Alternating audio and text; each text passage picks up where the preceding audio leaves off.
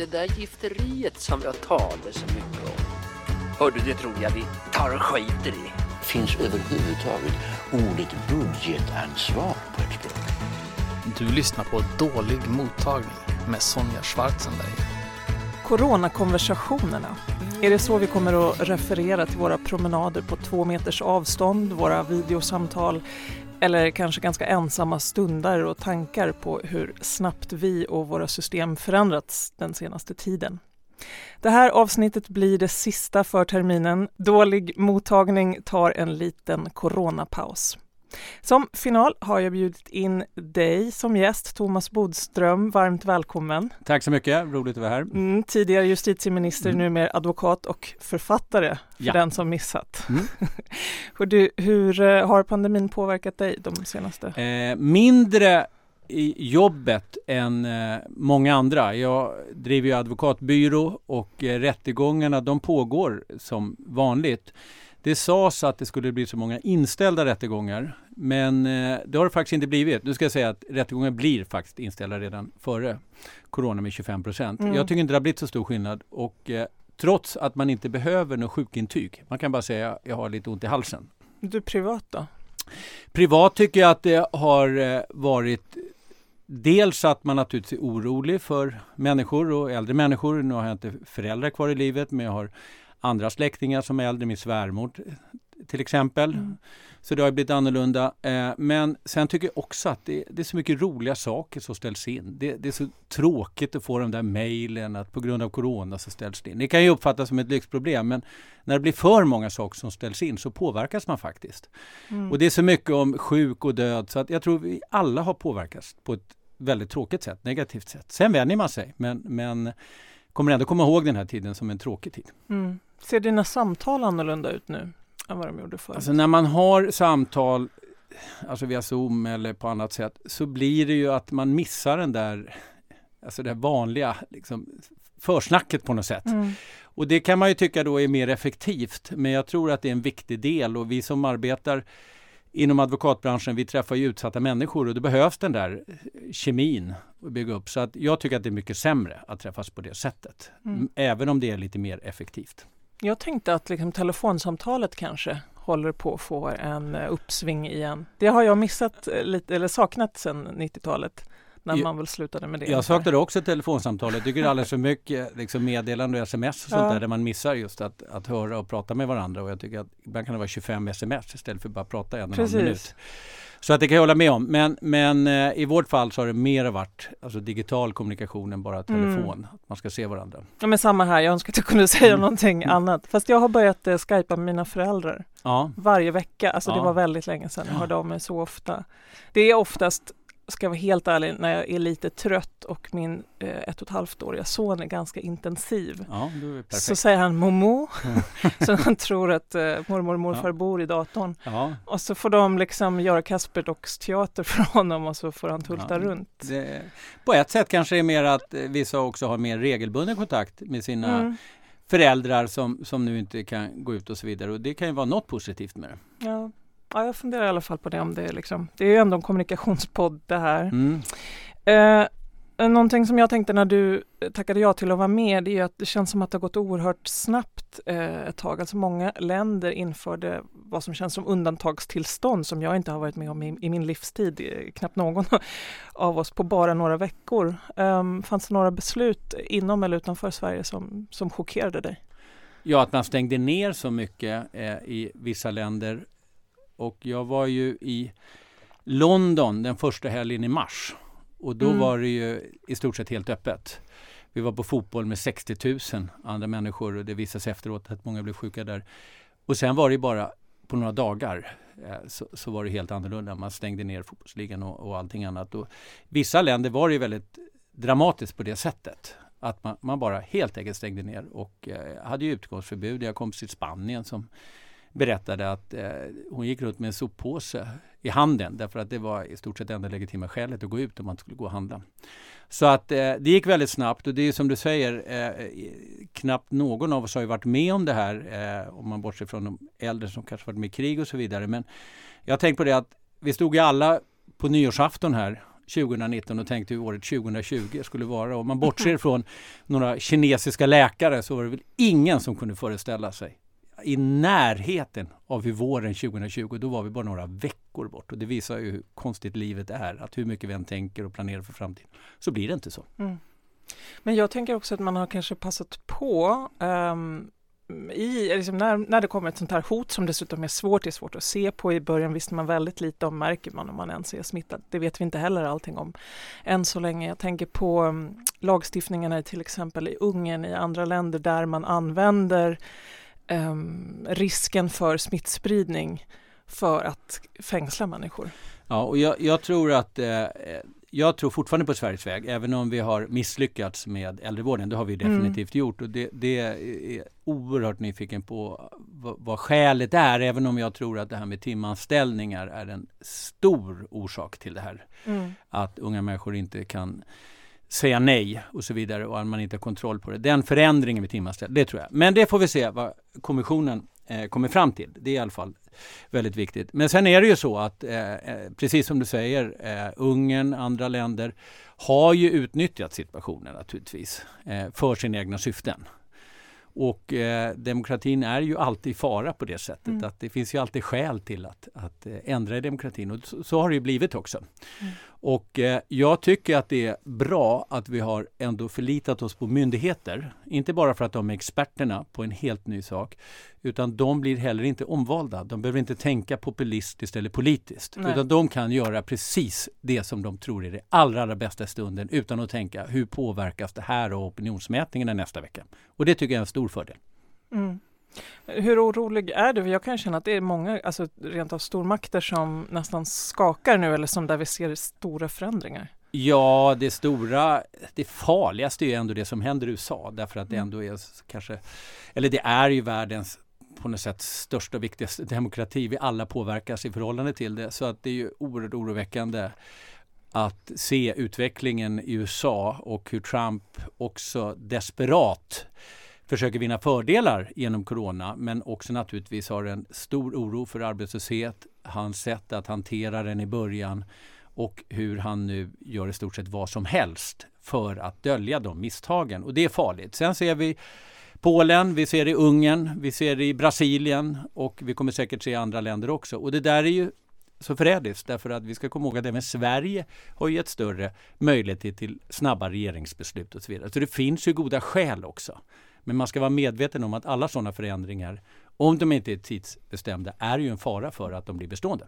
Mm, precis. Tror du att det kommer vara så? Jag tror inte, jag tycker svensk demokrati ändå är så stark. Så jag tror inte att det kommer vara så i Sverige, men definitivt så i till exempel i, med Orban i Ungern. Mm. Absolut. Om man mer talar om det lite på ett äh, mänskligt plan eller filosofiskt, eh, apropå Trump. Eh, tror du att vårt förhållande till liksom, nya beslut, alltså att vi, att vi slöar till? Det är alltid den risken som finns, särskilt vi som är på något sätt uppvuxna med västerländsk demokrati och eh, dessutom tror att den ungefär har varit för evigt och tror att den ska vara för evigt. Det är det misstaget som vi gör.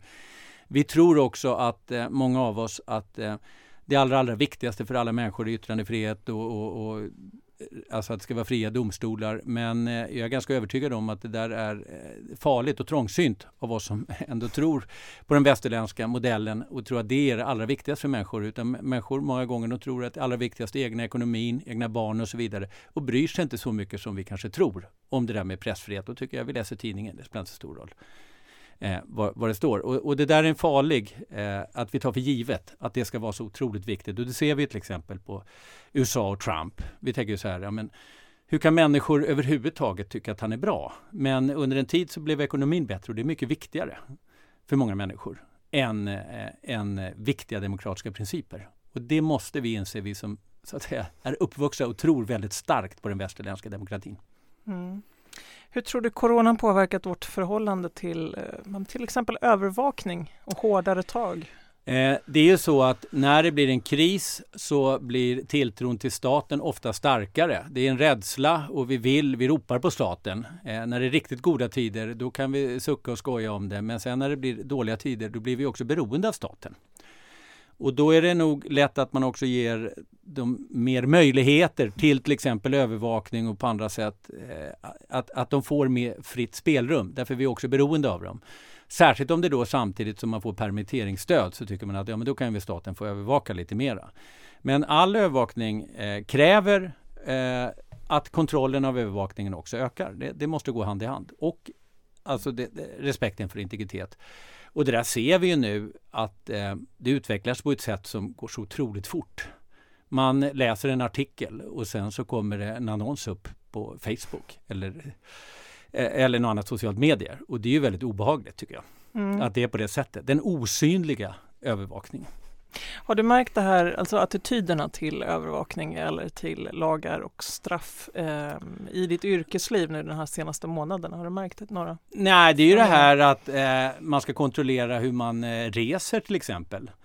Och då sägs det att det här är anonymt och så vidare. Men vi som arbetar med brottsbekämpande myndigheter, och jag arbetade mycket med det också när jag var minister, vet att alla system kan missbrukas. Det finns inget hundraprocentigt system. Så att även om de säger att det är anonymt så finns det uppgifter bakom de här anonyma uppgifterna som alltid kan missbrukas. Nu säger inte jag att det inte kan göras och bör göras, men jag ska säga att man ska vara medveten om riskerna och inte tro att det här är tvärsäkert, för det finns inget sånt säkert. Du tänker på de nya eh, smittspårningsapparna? Precis, mm. och, och, det kan vara sagt, eh, och, och, att man följer mobiltelefoner på det sättet, och det kan man ju göra. Man kan ju följa en människa, det lämnar elektroniska spår efter sig. Det är en viktig sak i brottsbekämpning, men vi ska också vara medvetna om att det kan användas på fel sätt. Mm. Nu kommer jag be dig att spå lite i framtiden. Favorit att gissa. Ja, du får killgissa det... lite grann om, om år 2020 när du tittar tillbaka på det här. Vi får hoppas att vi båda lever gamla, goda liv. Ja, eh, men det här kommer ju påverka oss lång tid framöver. Mm. Sen tror jag att Sverige är så pass stabilt med våra starka statsfinanser så vi kommer inte märka samma uppgång och nedgång. Om man tar ett land som USA till exempel så är det ett land som drabbas väldigt hårt, väldigt snabbt. Människor förlorar jobbet. Men det är också ett land som återhämtar sig väldigt snabbt. Eh, det är jag ganska säker på att vi kommer se på olika sätt i olika länder. Mm. Hur, hur, man drabbas och hur det brukar vara när man, när man råkar väldigt illa ut. Eh, och eh, för svensk del kommer det nog gå mer i en, i en eh, sämre ekonomi men förhoppningsvis så kan vi dämpa arbetslösheten. Men vi har ju sett redan nu att den ökar och det kommer att fortsätta öka och med konkurser. Och bakom det här så är det ju en väldigt stor tragedi många gånger, familjeföretag som har funnits i decennier som går under och så vidare. Så att eh, vi har en svår tid framför oss. Å andra sidan, vi har haft svåra tider förr. Eh, och om vi ser rikt eller flera år framåt mm. så kan man, om man bortser från all den här tragedin, så kommer det finnas eh, liksom utrymme för att ge perspektiv till det som vi ändå har gått igenom. Mm, vad tror du det perspektivet kan vara? Ja, till exempel att eh, det händer saker som man aldrig kan förutspå på något sätt, hur det påverkas av det, hur vi vänjer oss vid det. Och det där har ju vi som inte varit med i krig bara läst om hur människor lever vidare i krig och man har undrat hur är det möjligt att man, man överhuvudtaget kan leva om man, man, man tänker på att det kan komma en bomb varje dag. Men då ser man ju att människan är så enormt anpassningsbar och det har vi varit i Sverige också även om det inte kan jämföras med att vi har varit i krig. Mm. Det är många som talar om att vi förmodligen kommer gå in i en depression ekonomiskt. Ja, det kommer vi säkert göra. Ja. Därför att även om vi har starka statsfinanser så ska vi handla med andra länder. Vi är ett, ett, land som är väldigt beroende av export och import. Och då är det ju väldigt farligt att eh, många andra länder har så dåliga statsfinanser att de kommer att drabbas hårt och då kommer Sverige också drabbas. Det blir alltid en dominoeffekt på det där. Särskilt mm. för länder som, som Sverige som har, har just en stor export och importmarknad. Mm. Vad tror du för egen del privat när du kommer titta tillbaka på det här året? Att det var ett år då jag också har förlorat en nära vän, Claes Borgström.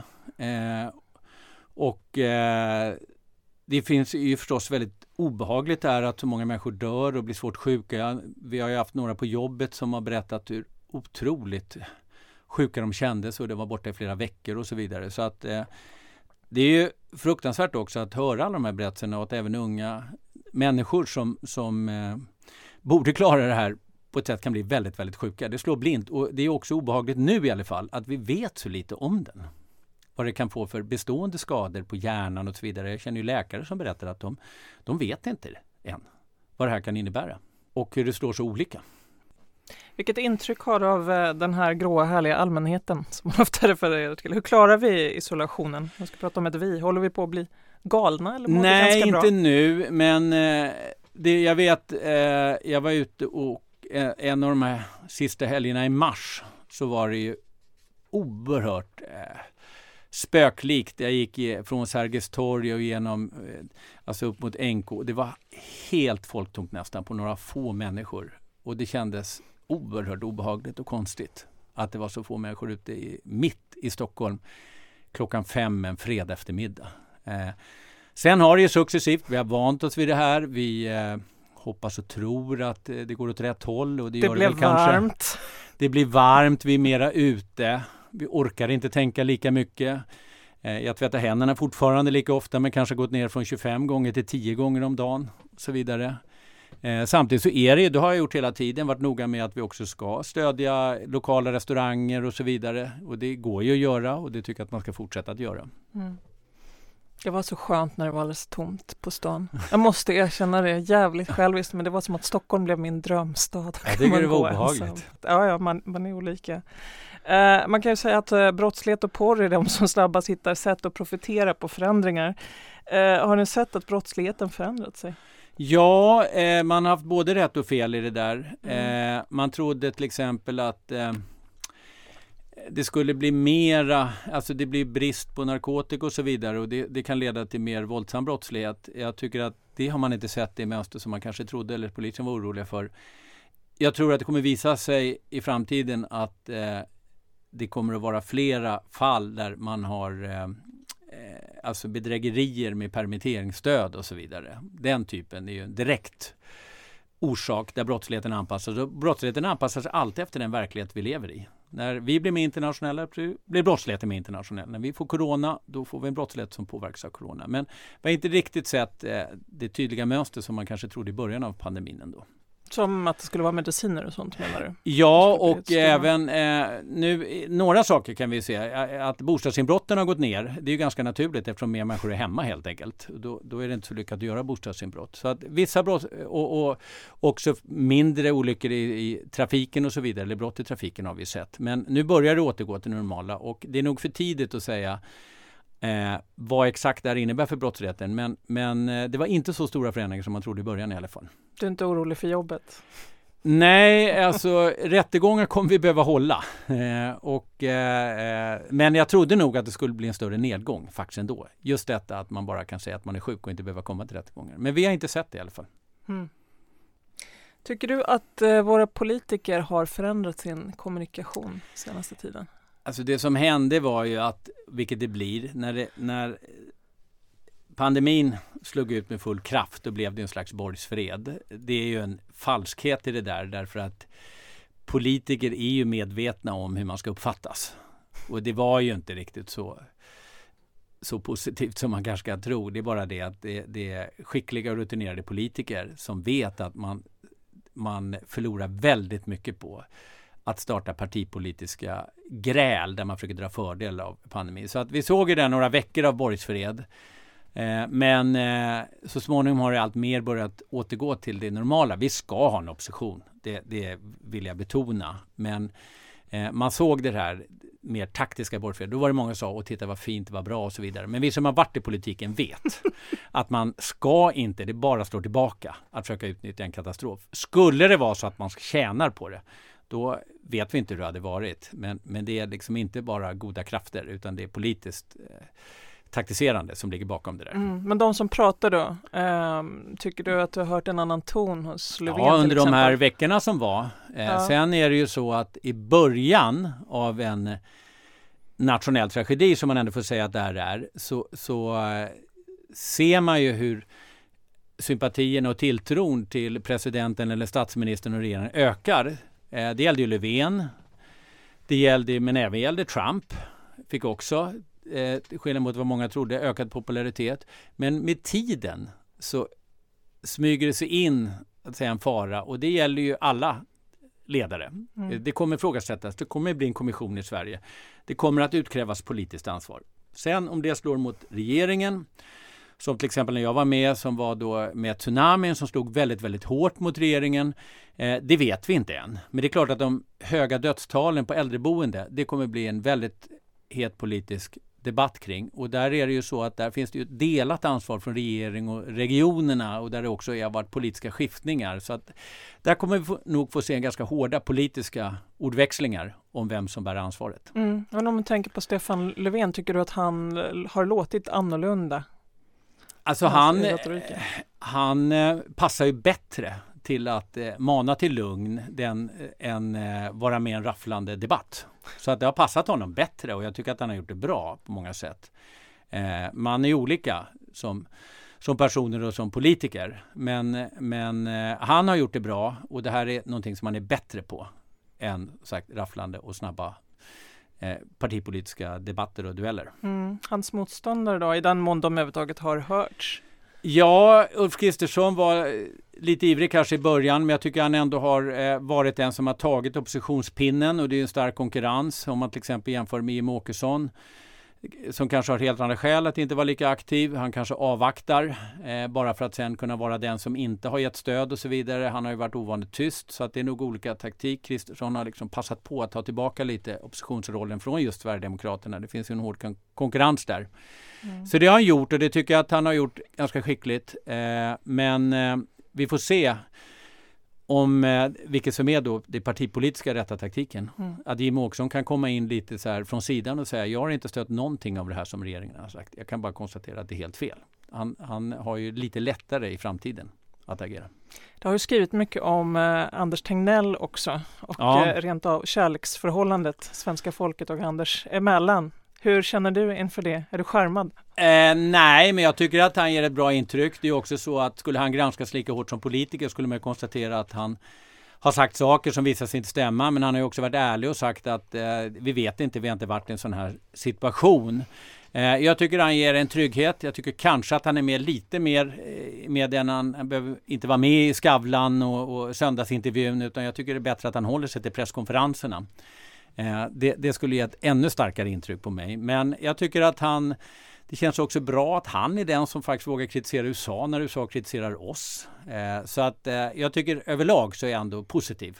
Mm. Och jag tror på den här att ändå ge myndigheterna det utrymme som de har fått. Mm. Ja, men som rent som kommunikatör då? Han känns han ju oerhört bra. trygg och fyrkantig. Ja, men det där är alltså det där kan ju också vara mer genomtänkt än vad det är att så att säga vara pappaklädd på presskonferensen och ge en trygghet i det än att bara stå i mörk kostym. Ja, men det är det jag menar. Jag tycker ja. att det är så väldigt skickligt Det genomfört. tycker jag också. Han är mycket mer politiker än man kanske tror. Det ser vi som är politiker. Eh, men eh, i grunden så är han ändå så att han kommer från myndigheterna. Han kommer fortsätta ha sin roll på Folkhälsomyndigheten oavsett hur det här går. Han mm. har så mm. stark ställning. Han kommer inte röstas bort som Löfven riskerar att göra eller, eller de borgerliga i Stockholm och Göteborg, Malmö och så vidare. Så att han behöver inte vara lika orolig om man inte säger gör några riktiga grodor. Men det kommer han inte göra. Han är för skicklig för det.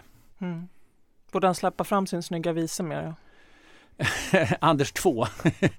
det är alltid intressant det där med om det finns en verklig konkurrens. Eh, det finns det ju, till exempel i politiska partier är det ju så att den verkliga konkurrensen är inom partierna, inte mellan partierna. Jag brukar säga att det är också där de smutsigaste spelen faktiskt är. Eh, så att det har vi ingen aning om om det finns en avundsjuka eller om man känner en trygghet i att man är flera. Vem var din konkurrent inom socialdemokratin? Nej, jag, jag, nej, jag kom ju lite utifrån faktiskt. Jag har inte varit med i det här från början. Jag, jag har inte varit med från Bommersvik-tiden, så nej. jag är inte uppvuxen riktigt med det där. Men du var ändå minister. Ja, jag vet, men eh, jag, jag, kunde mer konstatera det och jag hade inte de här ambitionerna att slåss för att komma med i verkställande utskottet eller partistyrelsen. Jag var så nöjd med det jag hade.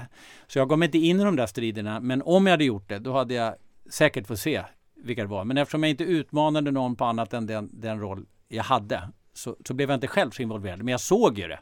Särskilt när man skulle välja riksdagsledamöter så, så är det ju väldigt mycket kohandel i alla partier. Men vem hade varit? Du måste utse någon. Som, eh, ja, vem hade varit din konkurrent? Nej, jag vet faktiskt inte det. Det skulle i så fall vara någon av de andra ministrarna. Men, men justitieminister är så det är så speciellt på något sätt därför att det handlar om, om ett så specifikt område. Ett område som i och för sig är väldigt populärt. ja, det är det. Men eh, jag menar Morgan Johansson som nu är justitieminister, vi hade ju ett jättebra samarbete. Han var ju socialminister då, så att jag känner inte att han eh, ville bli justitieminister då. Men eh, nej, jag kan inte säga det nu faktiskt, därför jag hade så fullt upp med min, mitt eget arbete. Men det var mer när jag gav mig ut i de här partidistrikten och så vidare som man kunde se de, här fejderna. Men, men, jag var inte med faktiskt i dem. Okej, okay, inom advokatskrået då? Ja, där finns det en konkurrens. Det är ungefär samma advokater som är med i de uppmärksamma målen. Och där finns det definitivt en, en konkurrens om det och det gäller ju både prestige och ekonomiskt naturligtvis. Får inte tala om eh, advokat slash deckarförfattare. Ja, det, ja eh, så att det är ungefär samma. Det märker man ju också lite på bokmässan och sånt där. Så det är klart att det finns en, en konkurrens mellan. Stämningen god mellan dig och Lapidus? Absolut. Eh, men han har ju varit så oerhört eh, framgångsrik som som deckarförfattare eh, med Snabba Cash så att jag skulle inte kunna utmana honom på det. Å andra sidan så tror jag inte heller han utmanar mig som advokat. Så att vi har liksom varsitt oh. litet fögderi. Eh, och på så sätt så tror jag att vi, vi eh, är ett av orsakerna till att vi kommer väldigt väl överens. Vackert svarat. sant och sant faktiskt. och sant. Vilka möjligheter, nu tar vi en nobel fråga, ja. Tar mig bort ifrån skvallerträsket. Ja. Vilka möjligheter till bättre kommunikation. Okej, om vi ska vara riktigt högtravande, ett, ett kanske rent av bättre samhällsbygge tror du att den här krisen kan eh, ge oss? Eller är det bara skit? Eh, nej, det kan ge möjligtvis en större respekt för sjukvården. Det tror jag är positivt. Det har vi också sett att eh, eh, intresset för sjukvården har blivit mycket större. Och det är ju glädjande därför där har ju människor jobbat under eh, förhållanden som är sämre än vad de förtjänar. Det tycker jag är den stora fördelen att man har verkligen förstått hur viktig sjukvården är i Sverige och det fina arbete de gör. Eh, äldrevården där många människor har dött, de har inte fått den upprättelse som jag tycker många är värda faktiskt, som verkligen arbetar på äldre äldrehem och jag mina föräldrar till relativt nyligen på det och såg vilket fantastiskt arbete de har gjort. Nu kritiseras ju de men jag tycker att det är viktigt att det är ju inte de som jobbar där och särskilt inte de timanställda utan det är i så fall organi organisatoriskt eller de enskilda hem. Det, det, får ju den här kommissionen utvisa. Mm. Men sjukvården har fått ett ordentligt lyft, välförtjänt lyft. Det tror jag kommer vara en stor orsak. Tror du att vi kommer få se um, företag eller individer dömda för de här händelserna? Alltså om det har varit uppsåt eller inte kanske är svårt att reda ut. Men jag tror, tror det? att det kan vara svårt att eh, leda det här straffrättsligt faktiskt. Eh, det, det ska ju till mycket bevisning att man har varit medveten om. Det är ingen som säger eh, att det skulle komma fram så här. Kom även om du är jättesjuk eller ont i halsen och så vidare. Så att det blir nog väldigt svåra bevisfrågor. Men visst, det är nog enstaka fall tror jag det kommer vara. Men jag tror inte att det kommer vara straffrättsligt, mm. juridiskt, den, den stora saken. Utan det, det kommer vara mer politiskt och organisatoriskt. Mm. Trots man att man har hoppat över skyddsåtgärder och så? Ja, det tror jag faktiskt. Eh, att det kommer inte vara, det kommer inte juridiskt vara den stora biten. Mm. Därför det kommer också vara alltid så här, man kan alltid, när det gäller den typen av ansvar inom företag, eh, då är det också så att det är nästan alltid liksom någon annan som man kan hänvisa till eller skylla på om man säger så. Eh, och det gäller arbetsplatsolyckor också. Antingen högre upp, man har inte fått rätt direktiv, eller längre ner, de gjorde inte som vi sa och så vidare. Så att jag tror inte vi kommer att se så många fall av det faktiskt juridiskt. Podden har ett eh, sista otäckt inslag ja. som återkommer varje vecka och det är ditt värsta misstag, Thomas Bodström. Ja, och det är nog inte bara mitt värsta kommunikationsmisstag. Frågan är om det inte är det värsta kommunikationsmisstaget i, i, på många år i Sverige faktiskt som jag gjorde mig skyldig till i samband med Göteborgskravallerna som i och för sig var ganska länge sedan nu. Och för de som inte minns eller eh, och, och, kommer ihåg alla detaljer så var det ju så att det var ju Göteborg blev en sönderslagen stad 2001 när vi hade ordförandeskapet i EU och då var jag justitieminister. Och då gick det till på det sättet att det var kravaller under hela dagen och jag var justitieminister och skulle svara på frågor och det gick väl hyggligt bra eftersom vi i Sverige har den ordningen att det är polisen som ska sköta det. Det är inte, det är inte regeringen och ministrar som är ansvariga direkt för det i alla fall. Sen på kvällen så var jag tillbaka på hotellet och då ringer Anna Lind och säger så här.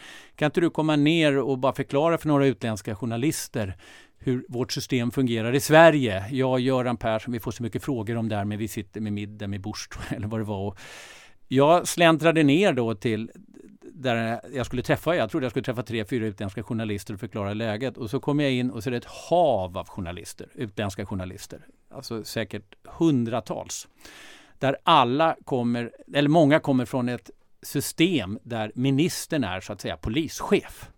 Och jag kommer in helt ovetande om det här och gör den sämsta presskonferensen i svensk politisk historia på 2000-talet i alla fall. Det gick så fruktansvärt dåligt. Och jag ska försöka svara på olika språk dessutom. Var dum nog att försöka ge mig in i både tyska och franska och allt möjligt. Och det, det var ju så otroligt eh, illa skött. Och det gick så illa så att till och med svenska journalister tyckte lite synd om mig. Så att jag fick en bättre behandling där. Men de utländska medierna var inte nådiga, fick jag ju se sen. Alltså det var ju den största klåparen som någonsin har funnits. Eh, och eh, det visar hur och de hade dessutom informationsövertag. De visste vad som hade hänt mer sista halvtimmen och timmen än vad jag visste. Jag tänkte precis fråga, var det här samtidigt före eller efter eh, skjutningarna? Det hade precis hänt, det var samma kväll. Så att jag hade bara fått den informationen men eh, fick inte alla detaljer, vilket de däremot hade. Så att jag fick ju då på, på dålig tyska eller någonting försöka förklara att jag känner inte till detaljerna och framtog ju bara som jag försökte skylla ifrån mig. Så att det visar att man ska vara förberedd och att man ska veta vad man pratar om och eh, att vi har olika system men att livet går vidare även efter att man har hållit Sveriges sämsta presskonferens genom tiderna.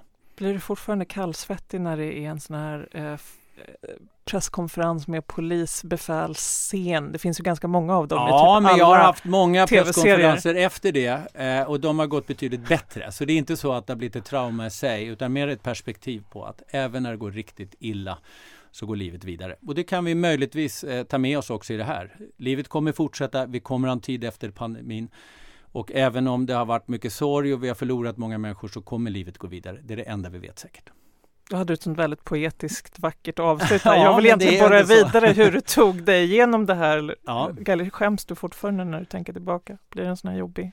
Alltså du menar på, på Sveriges sämsta presskonferens? Ja, jag är en person som är väldigt skamdriven själv så att jag är uppriktigt Nej, intresserad jag, hur du hanterar det här. Eh, man får ändå inse att eh, eh, man gör misstag i livet. Det är klart att det är sved att läsa att man var den sämsta som någonsin har funnits. Eh, men eh, livet går vidare. Det, det Hur då? Ja, livet går vidare att man håller nya presskonferenser som går bättre. Och man inser att livet består av framgångar och motgångar. Och det tror jag att jag lärde mig faktiskt när jag spelade fotboll i AIK. Att eh, inte minst ta motgångar. Det går dåligt ibland, man förlorar ibland och då gäller det att komma igen. Så jag måste börja spela fotboll? Ja, det är ett bra sätt faktiskt att lära sig. Både vinna och förlora. Fy fan. Basket hade jag kunnat tänka mig. Ja, men det är samma sak där. Ja, ja, det är svårt att hitta. Det kommer nya lag. matcher hela tiden även när man har åkt på storstryk. jag hade tänkt mig lite mer. Ja, ja, jag vet inte vad jag ska säga.